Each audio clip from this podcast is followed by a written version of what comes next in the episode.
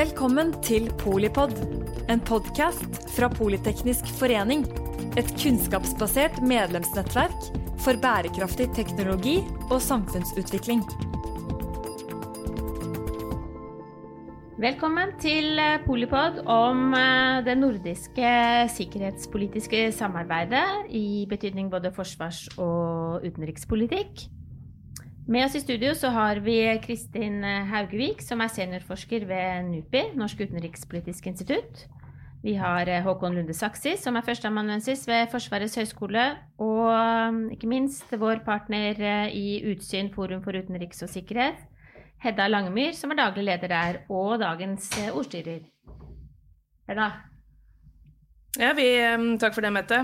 Vi lever i en tid med store geopolitiske endringer. Det er eh, økt spenning i våre nærområder. Eh, vi ser et mer komplekst og mangefasettert eh, trusselbilde. Rask teknologisk utvikling og press på, på ressurser. Et USA som utviser mindre kapasitet for globalt lederskap, og et Kina som tar en langt mer proaktiv rolle. Dette har jo naturlig nok både politiske, økonomiske og teknologiske implikasjoner for de nordiske landene. Um, hvilke utfordringer og muligheter finnes for nordisk samarbeid fremover? Eh, hvis vi skal eh, gå litt i dybden på dette spørsmålet, så er det en fordel å få en liten historisk gjennomgang eh, av hvordan eh, det nordiske samarbeidet har forholdt seg eh, tidligere, og med noen utviklingstrekk eh, frem mot dagens dato spesielt med tanke på eh, samarbeid både i, i, EU opp mot Nato og andre eh, bilaterale og trilaterale forhold. Håkon, vær så god. Ja, tusen takk. Um, man kan kanskje si at vi på et vis, hvis vi ser på i det sikkerhets- og forsvarspolitiske feltet, så lever vi litt i en gylden æra nå for nordisk samarbeid. Uh, og det har å gjøre med nettopp de mer krevende omstendighetene som vi opplever i internasjonal politikk, uh, og også indre endringer i forsvars- og sikkerhetspolitikken i de nordiske landene.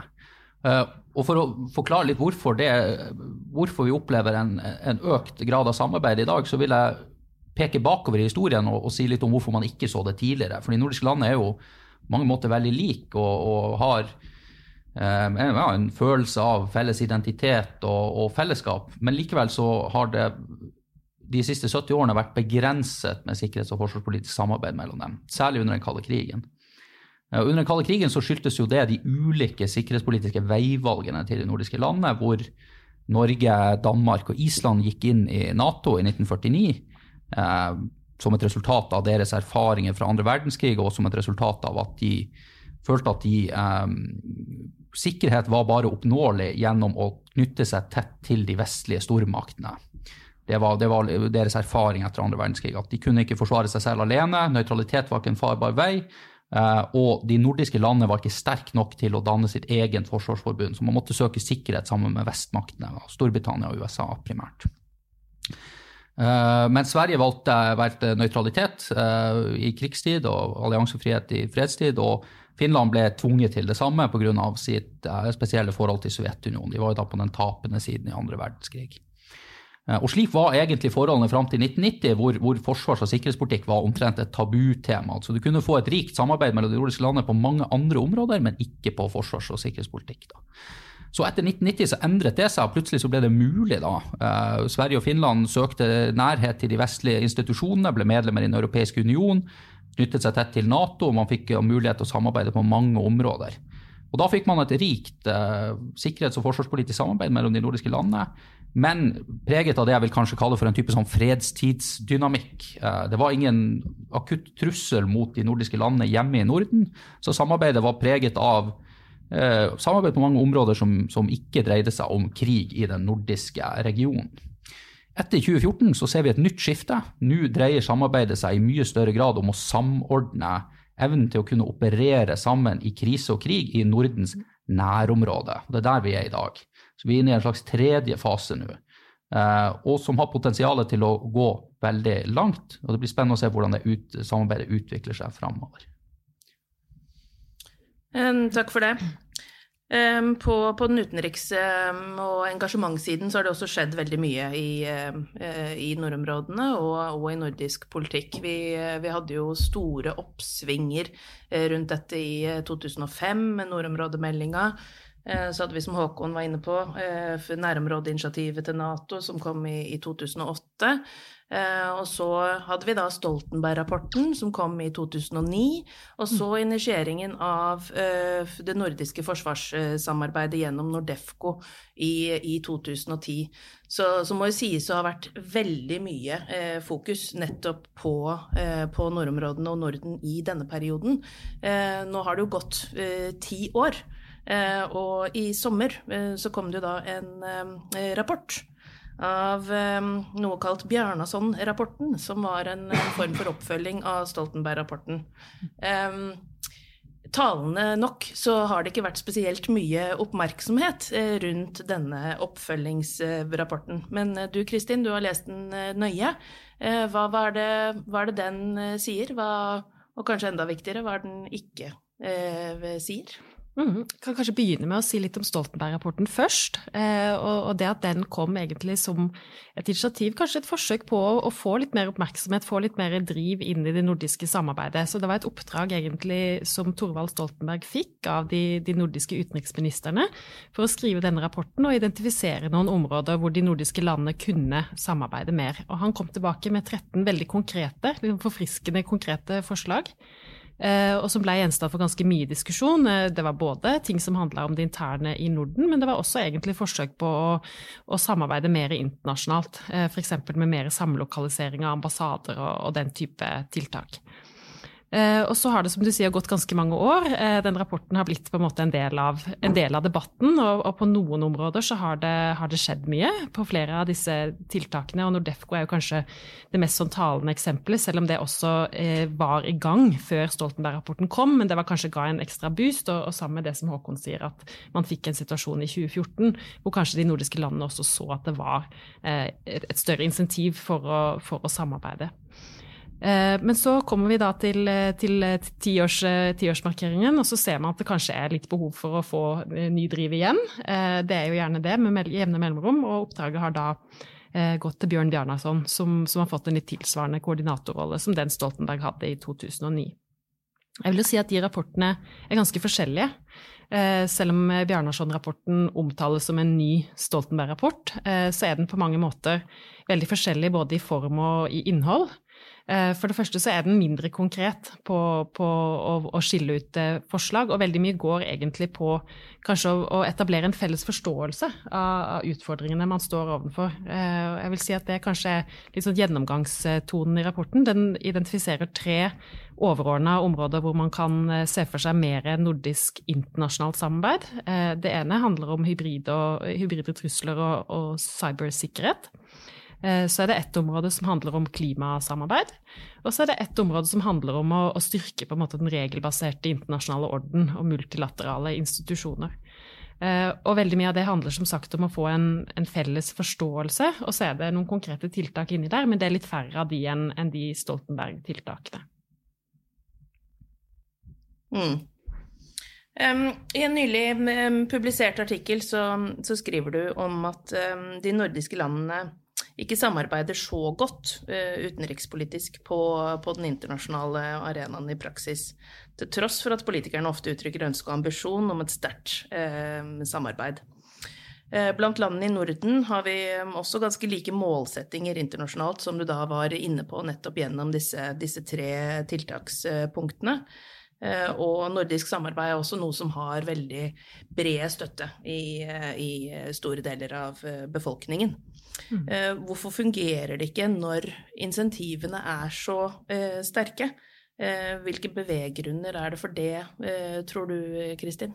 Altså, la meg begynne med å si at det, fungerer jo veldig godt på, på veldig mange områder. Eh, og det er jo også rapportene fra de, de utenrikspolitiske, altså fra hovedstedene og de utenrikspolitiske eh, miljøene, er jo at det er jo veldig mye samarbeid som av det praktiske, daglige samarbeidet, så er det jo veldig mye interaksjon, veldig mye dialog som foregår. Eh, men så er det kanskje en liten, sånn, lite, en liten diskrepans da, mellom litt sånn eh, djerve politiske målsettinger som man ofte har om å gjøre mer sammen, kanskje ha flere felles erklæringer. Eh, det var veldig mye pressedekning for et par år siden da Barack Obama eh, inviterte alle de nordiske, alle de nordiske eh, statsministrene og, og, og presidentene til Washington eh, for å ha et toppmøte. Og da eh, var det jo mange som så for seg at kanskje dette kunne bli en ny mal, eh, en måte å gjøre ting på. At de nordiske landene gjorde ting i større grad sammen på denne type arenaer. Og det har vært noen oppfølgingsinitiativ, bl.a. et felles møte med Angela Merkel. Eh, og også andre, andre typer initiativ.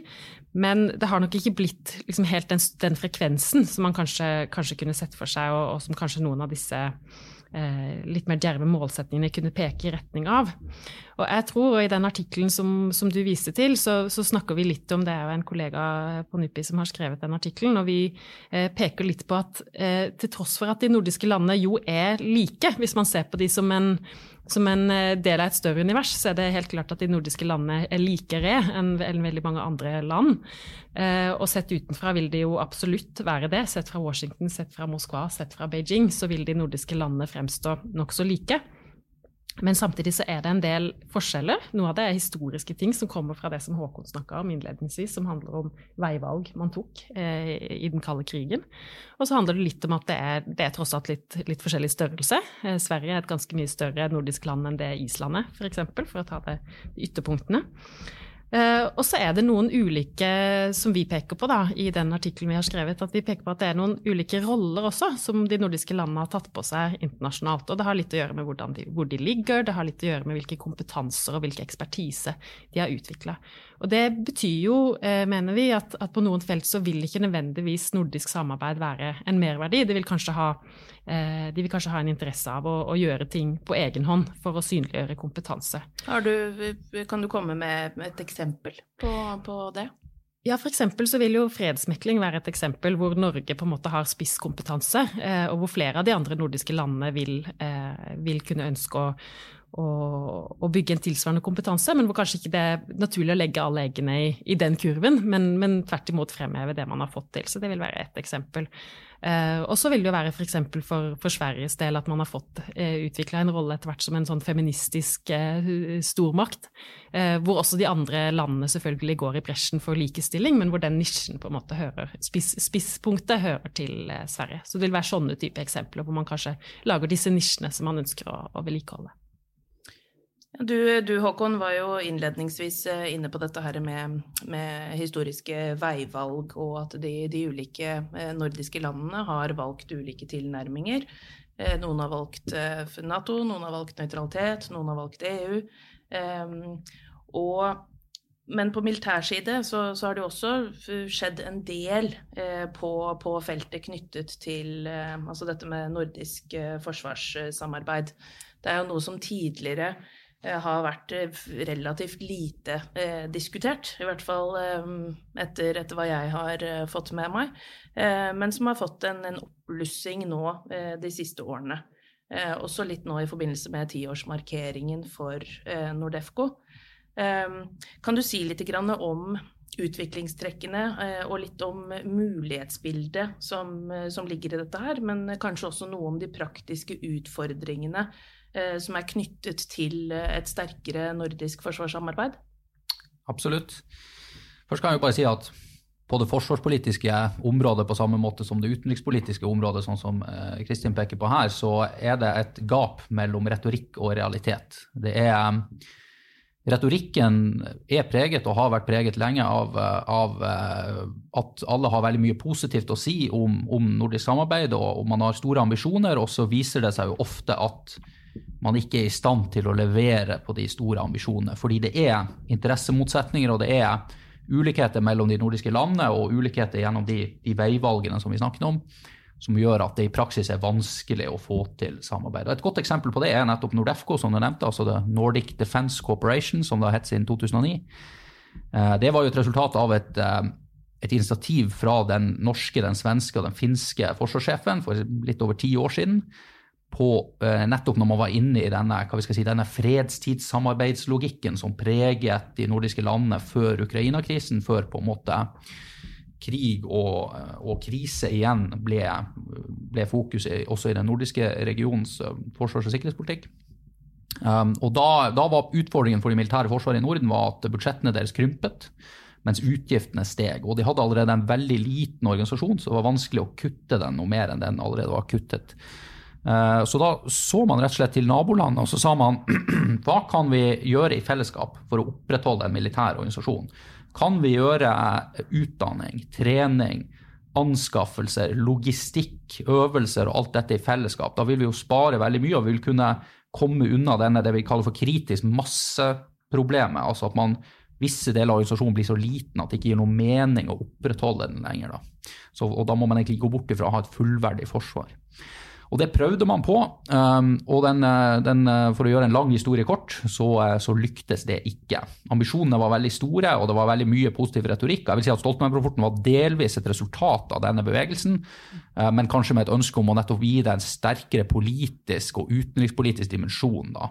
Men, men den, det, forsvarssamarbeidsinitiativet som kom fra forsvarssjefene, den er veldig tydelig i Stoltenberg-rapporten når den kom. da. Eh, men man, man, lykkes ikke, i hvert fall ikke i den grad man hadde ønsket, med å få til dette integrerte forsvarspolitiske samarbeidet. Så kommer Ukraina-krisen, så kommer den økte stormaktsrivaliseringen som vi ser veldig tydelig i verden i dag, mellom USA og deres allierte på den ene siden, og Kina og Russland på den andre siden. Primært. Ikke utelukkende, men primært. Og, og vi er dessverre, må man nesten si, inne i en nedadgående trend i dag i verden, hvor eh, stormaktsrivalisering preger den verden vi lever i. og antageligvis bare kommer til å bli verre i framtiden.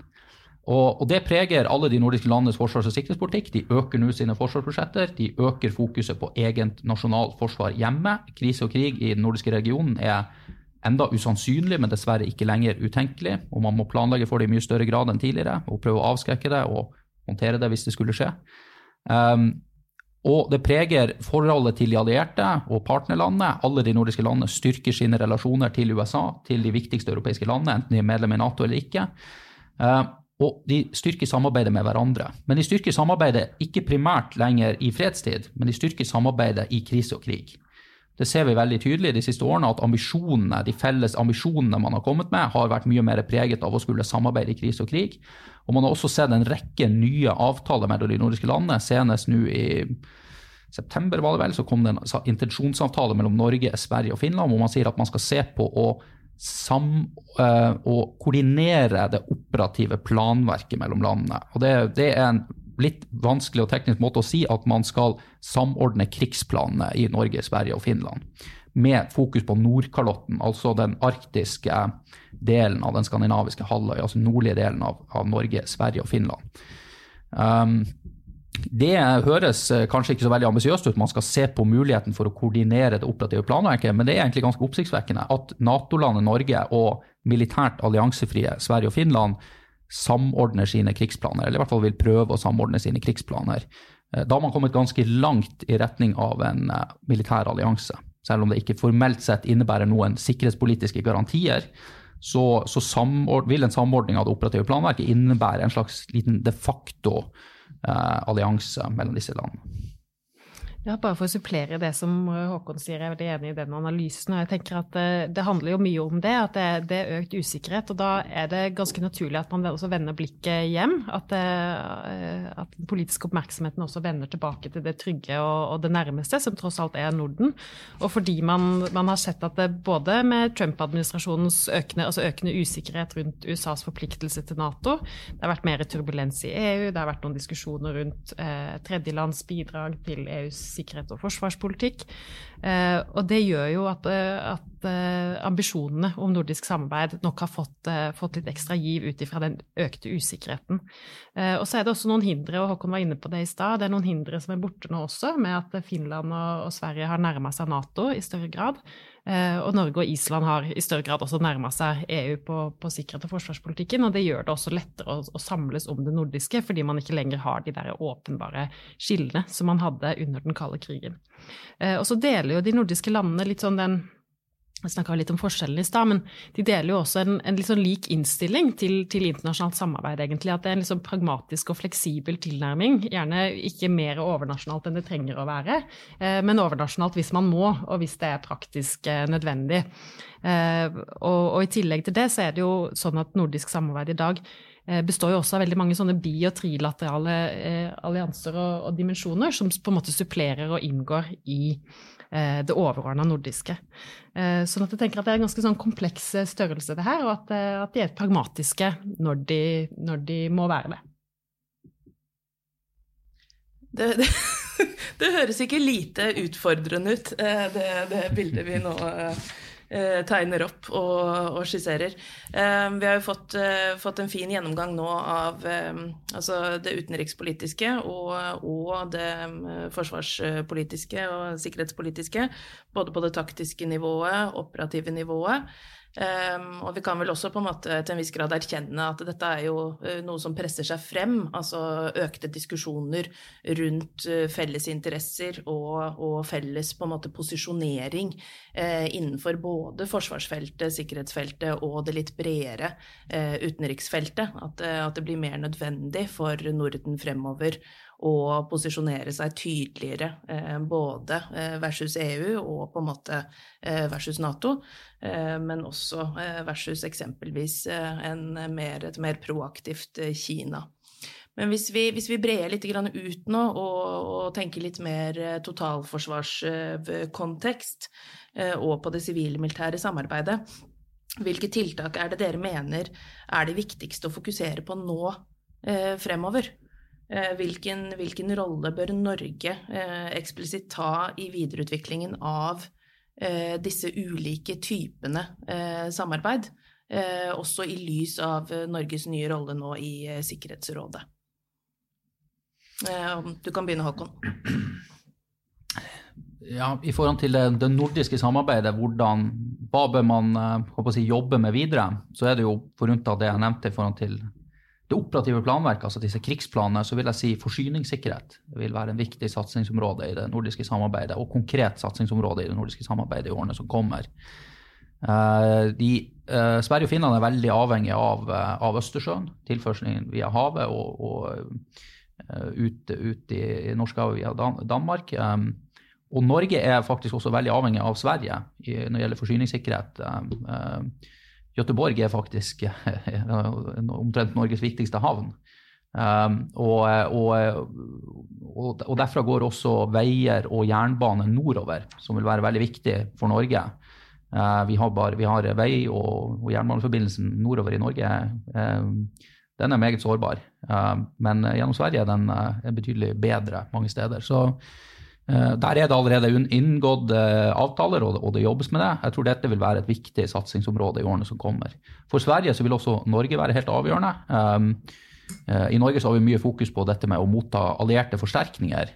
Sverige har også mye fokus på å motta eh, bistand utenfra. De ikke, kaller ikke allierte forsterkninger for de er militært alliansefrie, men, eh, men det er i praksis å få bli forsterket i krise og krig fra vestmaktene og først og fremst fra USA. Eh, og de forsterkningene eh, kan enklest komme til Sverige via Norge. Eh, og i det siste forsvarsbesluttet som de vedtok her ganske nylig, så gjør de en god del endringer i den svenske militære organisasjonen. De gjør den mye større. Men de setter også opp en del nye avdelinger hvis eneste formål synes å være å trygge forsyningslinjene fra Norge og inn i Sverige. Og det må jo være for at allierte forsterkninger skal komme via Norge til Sverige og ta seg over til Østersjøområdet. Og da er eh, norsk sikkerhet ganske tett forbundet med svensk, og til syvende og sist kanskje de baltiske statenes eh, sikkerhet. Og at eh, Østersjøen og, og, våre nordområder knyttes sammen til ett strategisk rom. Så dette, dette, er noen av de områdene som jeg tror vi vil se et tett samarbeid på i Norden i årene som kommer. Bare en veldig kort, et kort oppfølgingsspørsmål um, før, før, du får et siste spørsmål, Kristin. Eh, når du snakker om dette med forsyningssikkerhet og dette med alliert mottak, eh, så, så, er jo det i utgangspunktet da noe Norge server overfor eh, svenskene.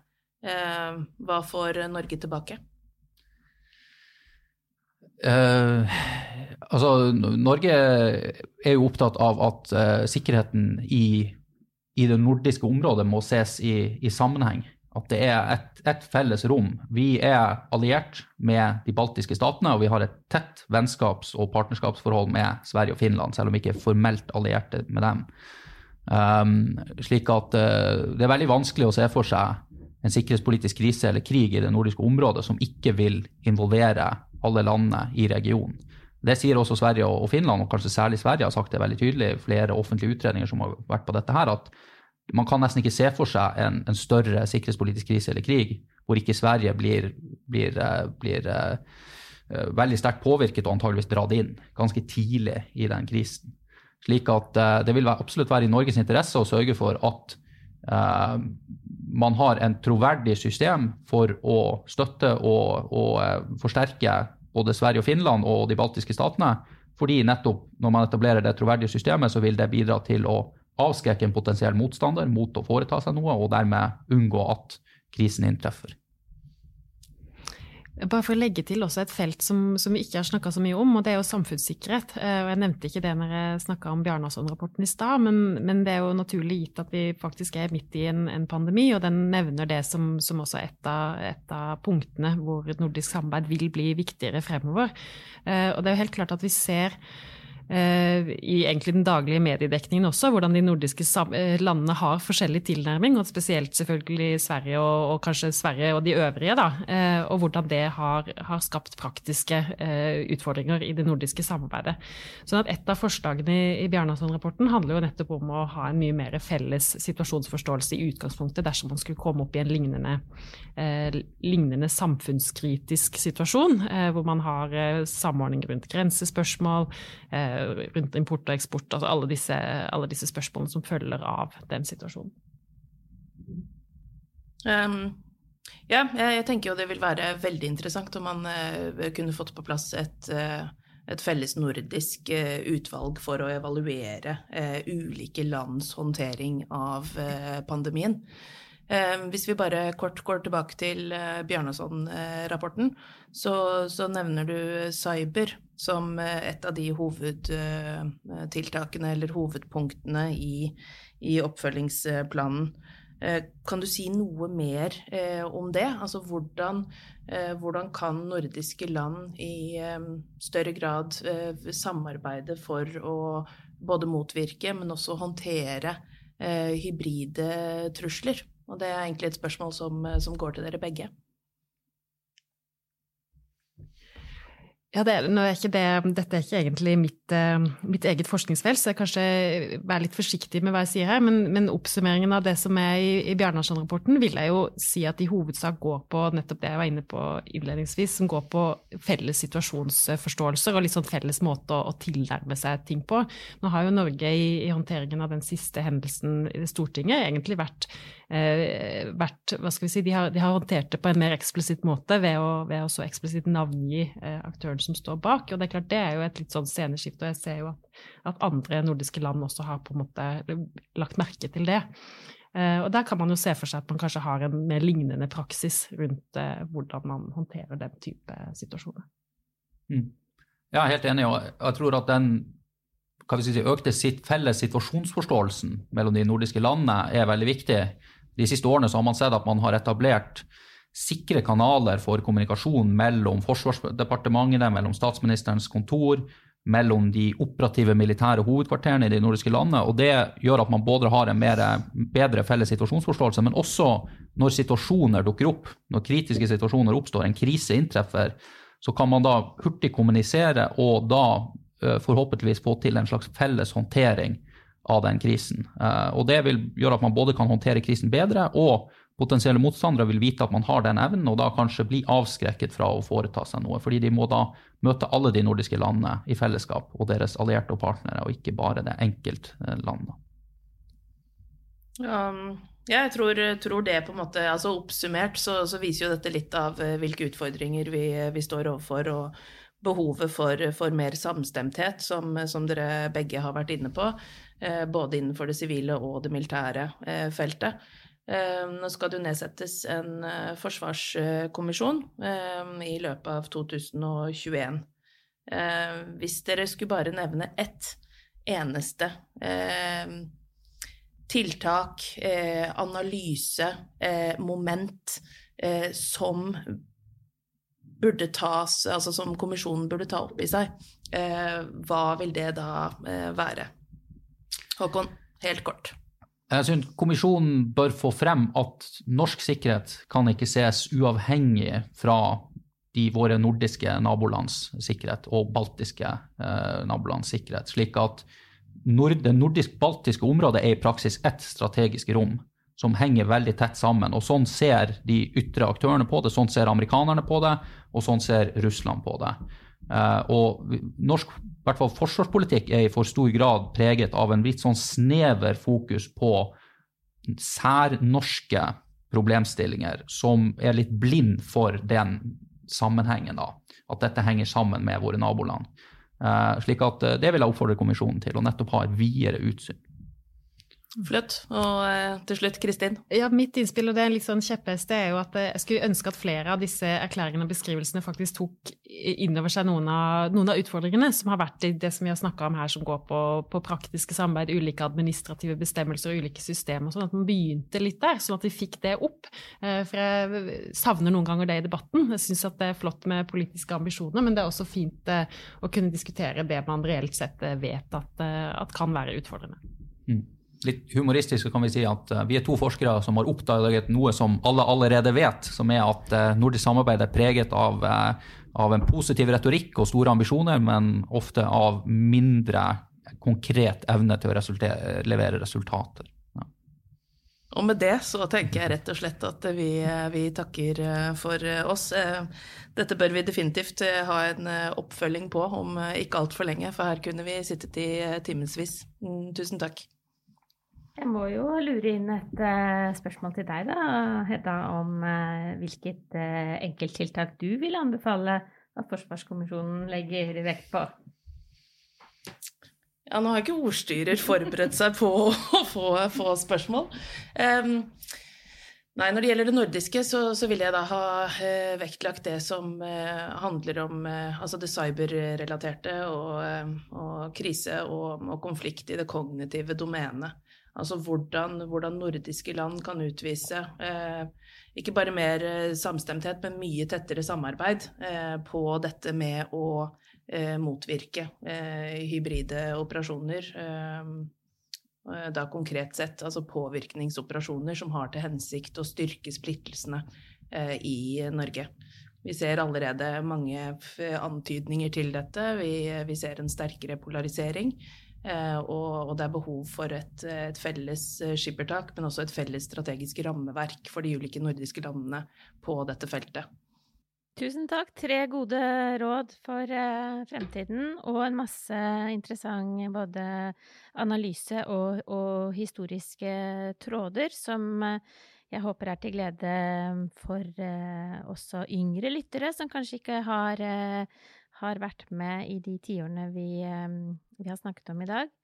Tusen takk til Kristin Haugevik, som er seniorforsker ved Norsk utenrikspolitisk institutt, til Håkon Lunde Saksi, som er førsteamanuensis ved Forsvarets høgskole, og til Hedda Langmyr, som er daglig leder i Utsyn, Forum for utenriks og sikkerhet. Takk til deg som lytter til Polipod. Takk for at du lyttet til Polipod fra Politeknisk forening.